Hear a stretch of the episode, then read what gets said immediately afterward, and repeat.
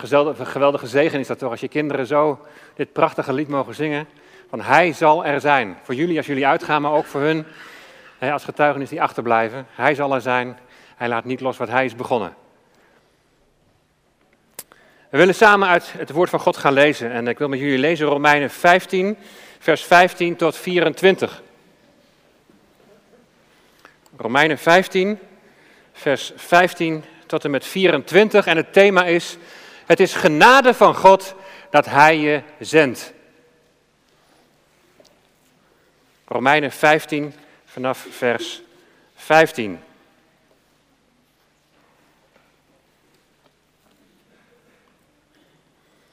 En dan lezen we het volgende.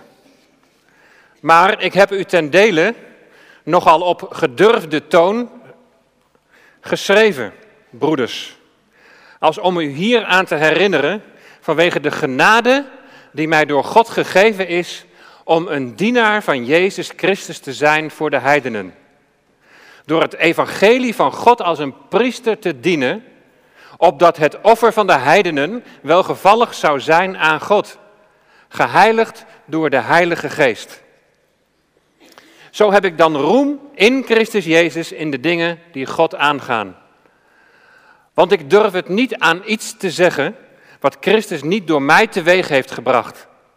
Om de heidenen tot gehoorzaamheid te brengen in woord en daad. Door de kracht van tekenen en wonderen en door de kracht van de geest van God. Zo heb ik dan van Jeruzalem af en rondom, tot Illyricum toe, het evangelie van Christus vervuld. En evenzo stelde ik er mijn eer in om het evangelie daar te verkondigen waar Christus nog niet genoemd was om niet op het fundament van een ander te bouwen. Maar zoals geschreven staat, zij aan wie niets over hem verkondigd was, die zullen het zien. En zij die het niet gehoord hebben, die zullen het begrijpen. Daarom was ik ook verhinderd om naar u toe te komen. Nu, echter, nu ik echter in deze streken geen arbeidsveld meer heb en ik sinds vele jaren een groot verlangen heb naar u toe te komen, zal ik wanneer ik naar Spanje reis naar u toe komen. Ik hoop u namelijk op doorreis te zien en door u op weg daarheen verder geholpen te worden, als ik eerst wat van de ontmoeting met u genoten zal hebben. Tot zover uit het woord van God.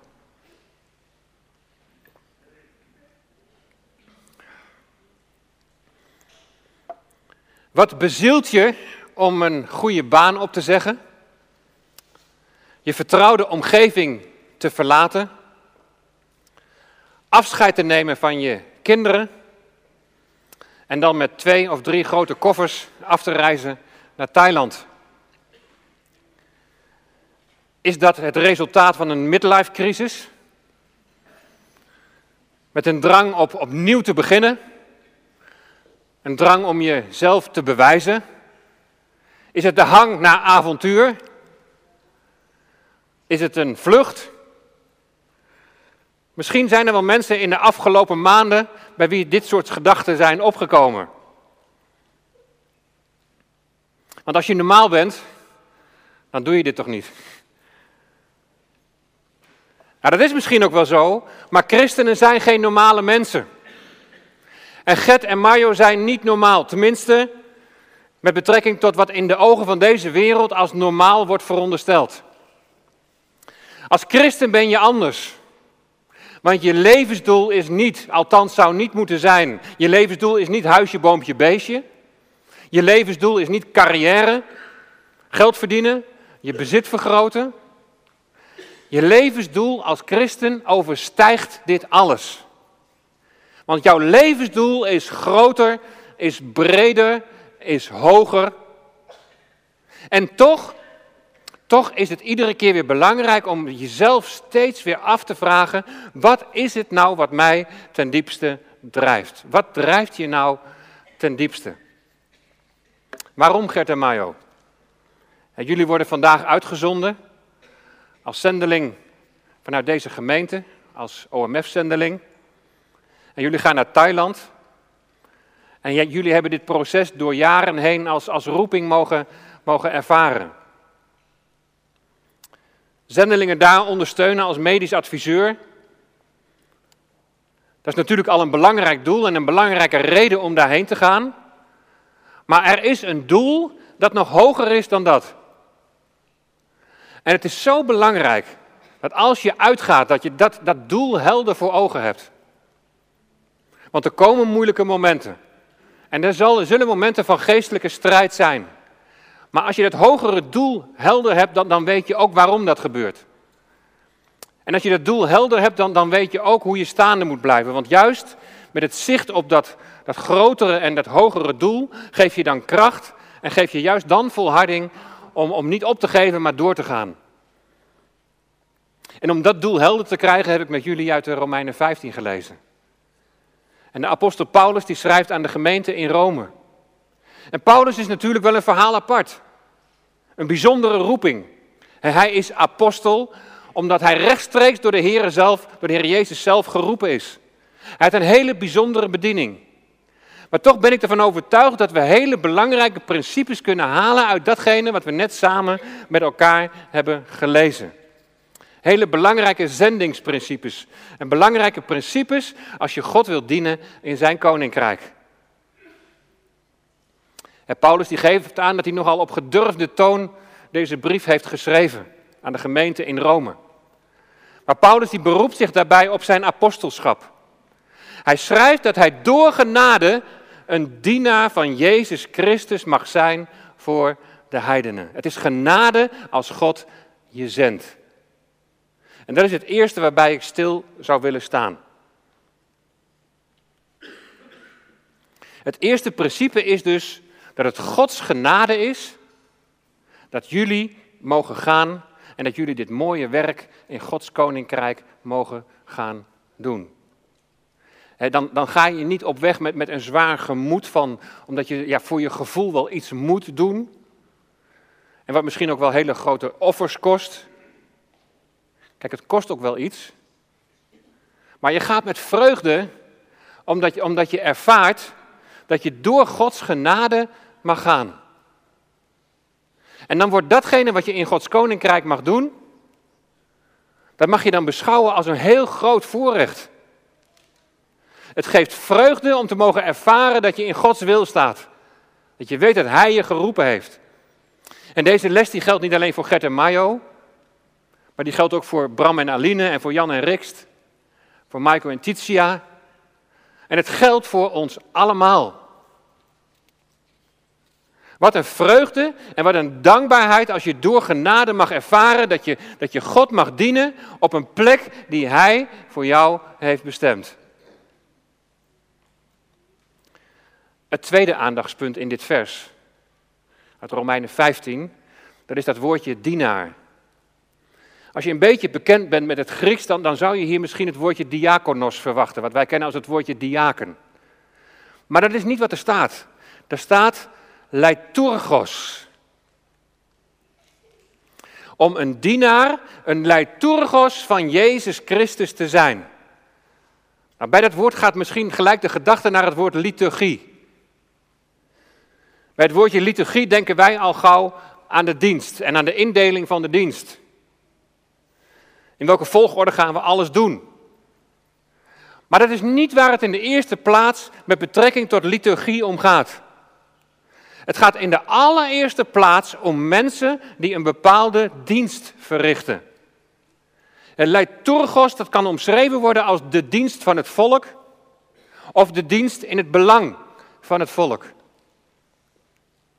Dus door genade mag je God dienen. En of dat nu zendeling is, of als oudste, of je maakt muziek hier op het podium. Het is een dienst van het volk tot eer van God en het is een dienst aan het volk. Daar gaat het om, dus bij liturgie. En de genade van God die werkt zo in je door dat je op deze manier een dienaar, een, een leiturgos wilt zijn. En als je dan een vreemd land zoals Thailand binnenkomt, en dan kom je niet gelijk daar even vanuit het westen van ik zal jullie wel eens even vertellen van hoe het allemaal moet, moet gaan, gaan gebeuren. Nee, je gaat kijken hoe je mensen kunt dienen vanuit je dienst aan God. In de Griekse vertaling van het Oude Testament, en daar wordt liturgos hoofdzakelijk gebruikt voor de dienst van de priester en de leviet, die dienst doen in het heiligdom. Ja, Elina en je, en je medezangers en, en muzikanten. Het gaat dus bij liturgie helemaal niet om de, om de volgorde van de dienst.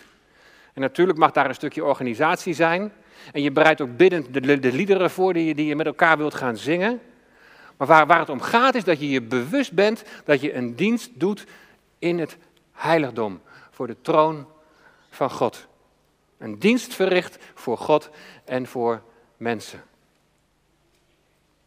Voor jullie Get en Mayo een ander land, een andere cultuur, een andere taal, maar God blijft dezelfde.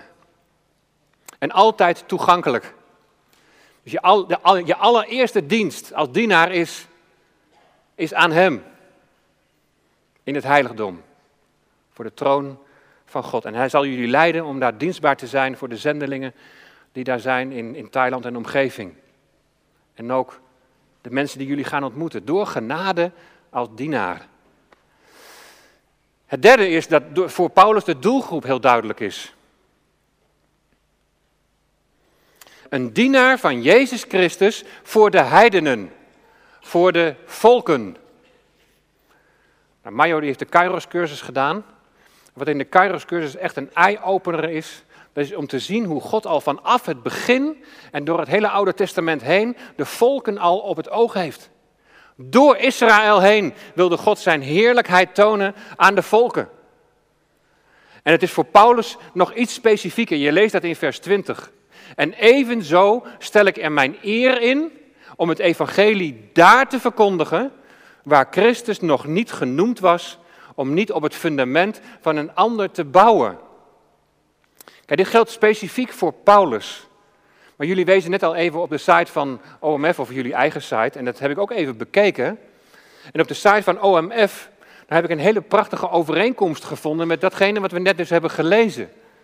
Want er staat namelijk op de site een kernwaarde, daar staan kernwaarden. En een van die kernwaarden is het volgende. De kernwaarde van OMF. Wij richten ons op onbereikte bevolkingsgroepen, in moeilijke toegankelijke gebieden en onbereikte sociale groepen. En wij durven biddend risico's te nemen en volharden in de taak die God ons gegeven heeft. Nou, wat een mooie overeenkomst met Paulus' doel hier in Romeinen 15.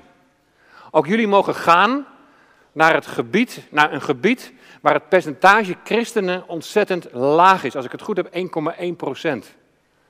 1,1 procent christen. En jullie worden uitgezonden. En misschien denken mensen wel van, ja, maar ze gaan toch ter ondersteuning van de zendelingen.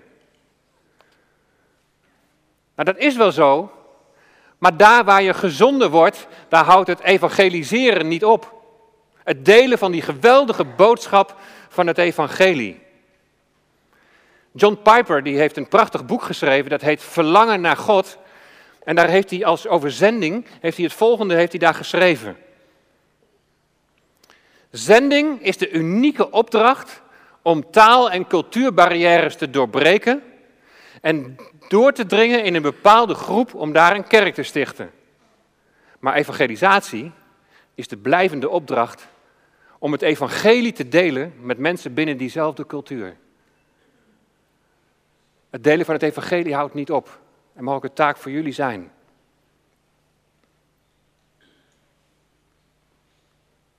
Samengevat, door genade van God is het een voorrecht om als dienaar, als leiturgos, je dienst te verrichten tot eer van God en van daaruit mensen te dienen met de boodschap van het evangelie op jouw plek.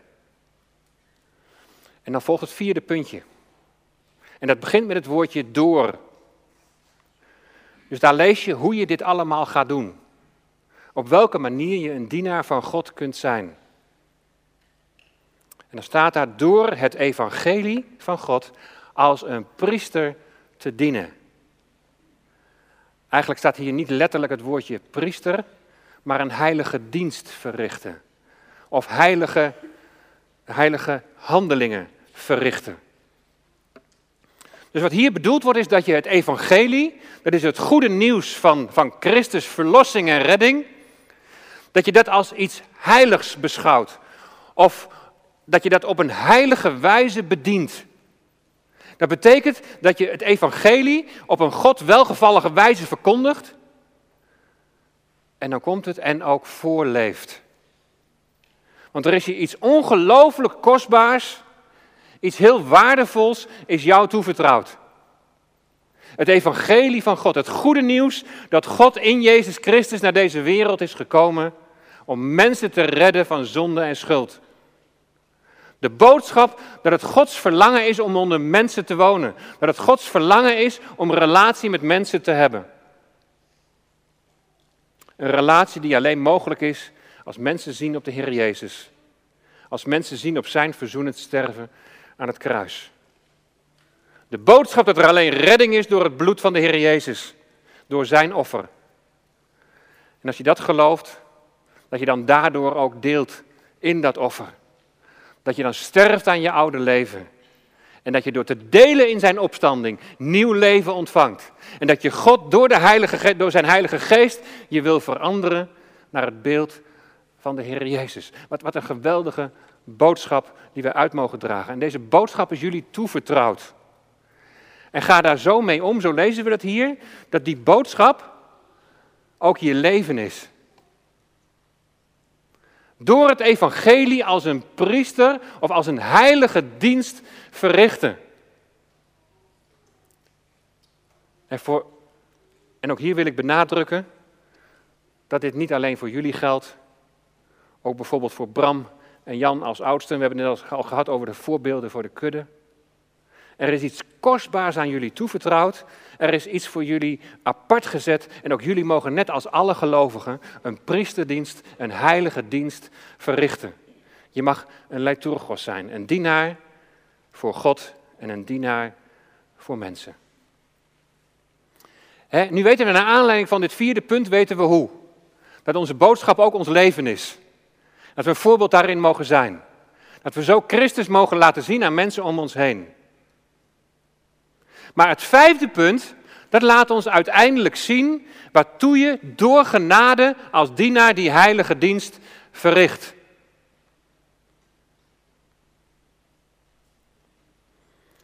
Want daar komt het woordje opdat.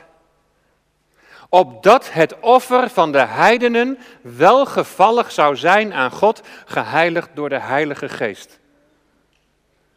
Dus het priesterschap van Paulus, zijn heilige dienst, heeft tot doel om God een welgevallig offer te brengen.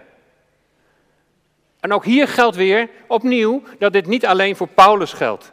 In 1 Petrus 2, vers 5, daar staat dat je als gelovige, als levende stenen wordt gebouwd tot een geestelijk huis, tot een heilig priesterschap. Om geestelijke offers te brengen die God welgevallig zijn door Jezus Christus. En hier wordt bij geestelijke offers wordt gedoeld op een offer van aanbidding. Want wij mensen, wij zijn geschapen om God te aanbidden. En wij bedrijven zending omdat er mensen zijn, omdat er volken zijn die God nog niet aanbidden. Paulus wil dat mensen als een aanbiddingsoffer worden gewonnen. Een offer wordt aangeboden aan God. hier in Romeinen 15 zijn heidenen die tot geloof gekomen zijn, die zijn een offergave voor Hem. Ze worden als het ware aan, aan God aangeboden als mensen die worden toegevoegd om Hem te aanbidden. En, en niet wij hebben ze toegevoegd. God heeft door de kracht van de Heilige Geest de wedergeboorte in deze mensen bewerkt. Daarom schrijft Paulus, zij zijn geheiligd. Dat betekent ze zijn apart gezet door de Heilige Geest. Hij heeft door zijn geest overtuigd dat er maar één weg is tot redding. Jezus de weg, de waarheid en het leven. Maar wij zijn dienstknechten die deze waarheid mogen verkondigen. We komen bij dit gedeelte van het vers. Dat begint met opdat, bij de kernwaarde waar het allemaal om draait. De OMF, de Overseas Missionary Fellowship, die heeft een missie. En ik weet niet of het zo is, maar het zou maar zo kunnen dat die missie op de een of andere manier ook afgeleid is van Romeinen 15. Want die missie die luidt namelijk als volgt. Onze hoogste prioriteit is God te verheerlijken. Dus daar begint het mee. God te verheerlijken. En dan door de miljoenen Oost-Aziaten te bereiken met het evangelie van Jezus Christus. En, en weet je wat hierbij heel duidelijk moet zijn? Dat is dat zending niet het eerste doel van de gemeente is. En dat komt ook in de volgorde van deze missie, komt dat zo duidelijk naar voren. Het verheerlijken van God staat op de allereerste plaats. In de Westminster Confession of Faith, een geloofsbeleidenis, daar geven ze het volgende antwoord op de vraag wat het voornaamste doel van de mens is. En dan staat er, het voornaamste doel van de mens is om God te verheerlijken en voor altijd eeuwig van Hem te genieten. Kijk, de, de nadruk ligt allereerst op zijn en de nadruk ligt niet allereerst op doen. Een leven in aanbidding. Een rusten in Hem. Aan Hem. Op Hem. Die dienst doet in het heiligdom. Die aan de voeten van de Heer Jezus is en beleidt, ik kan niets. Werk met uw heilige geest in en door mij heen. En in die gezindheid, in dat zijn in Christus, gaan we zending bedrijven. En waarom? Omdat er mensen zijn, omdat er volken zijn die God nog niet. Paulus wil dat mensen als een aanbiddingsoffer worden gewonnen. Dat is voor God welgevallig. Dat de taai hun knieën mogen buigen voor Jezus. Hé, hey, in hoeverre zijn wij zo zendeling in Emmeloord? Of in de polder? Of, of in heel Nederland? In hoeverre leeft in ons dat verlangen dat mensen tot Jezus zullen komen? Dat er mensen bij zullen komen die God zullen aanbidden. En dan gaat het nog niet in de allereerste plaats om hun redding. En het gaat niet in de eerste plaats om onze redding. Hoewel dat van levensbelang is. Maar dat is weer heel menselijk naar onszelf toe gedacht. Het gaat om de heerlijkheid van God. En het gaat erom dat Hij aanbeden wordt. Dat zo velen als een aanbiddingsoffer voor God gewonnen mogen worden. Mensen gered door het bloed van het lam, gered om Hem te aanbidden. Door genade, dienstbaar voor God en aan het volk. Met een kostbare boodschap die we in woord en daad mogen uitdragen. Opdat mensen hun knieën mogen buigen voor God. In het dankbaar aanvaarden van de vergeving van zonde door het offer van de Heer Jezus. Of we nu zendeling zijn, of oudste, of zangleider, of koster, of kinderwerker. Of is het een dienst in het koninkrijk van God dat niet zo duidelijk een naampje heeft? En je zorgt voor je gezin, het opvoeden van je kinderen, het zorgen voor je ouders, het meehelpen als vrijwilliger in een organisatie, een luisterend oor voor je buurman of je buurvrouw die het moeilijk heeft, noem maar op. Waar het om gaat is dat uit ons leven.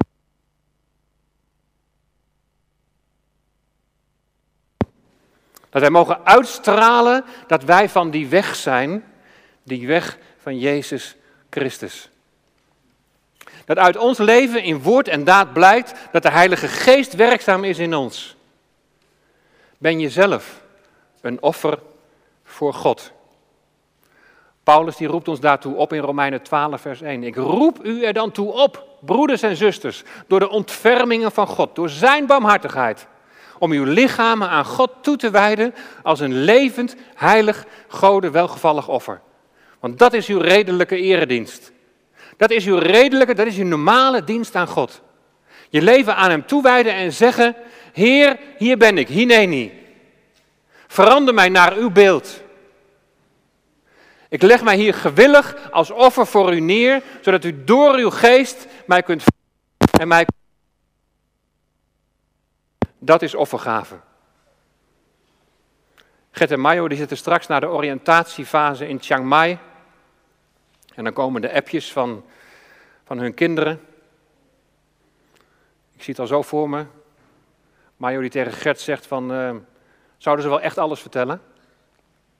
Zou het echt wel goed gaan met ze? In Thailand zal het overschrijden van, van grenzen, de landsgrens, de taalgrens, de cultuurgrens, zal niet altijd zonder slag of stoot gaan.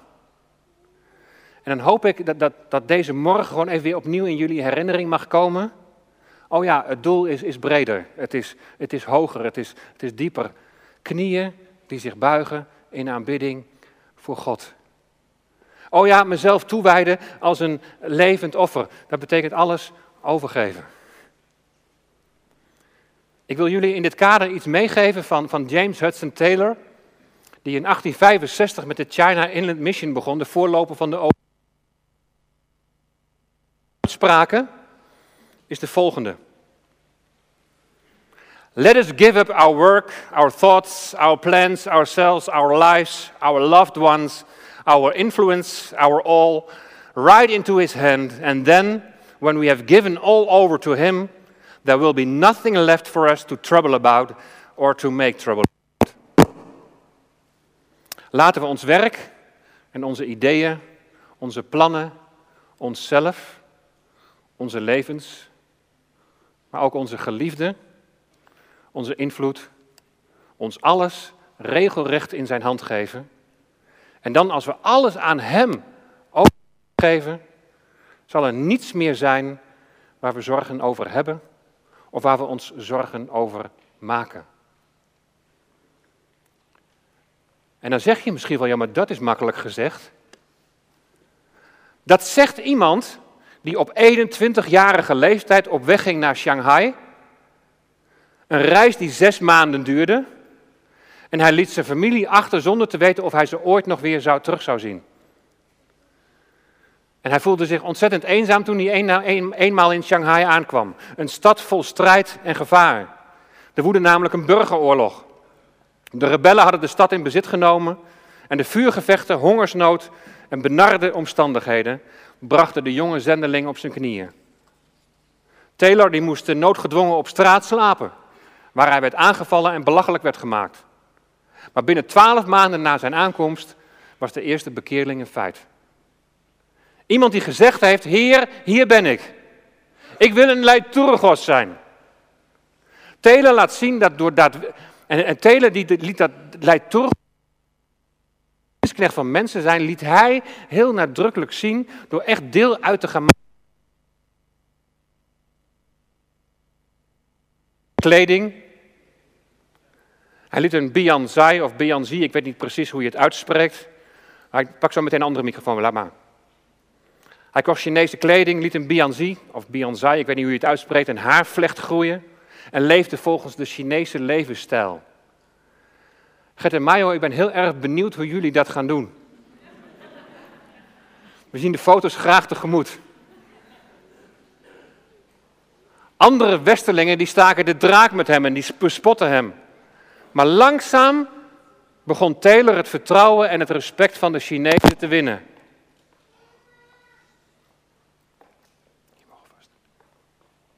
Wat een genade, wat een voorrecht dat jullie mogen gaan.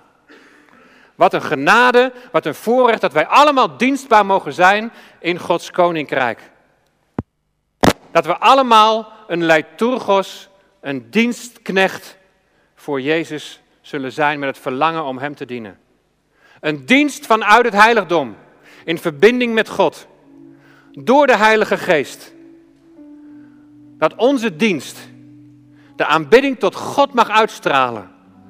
En van daaruit het verlangen om een dienst aan mensen te verrichten.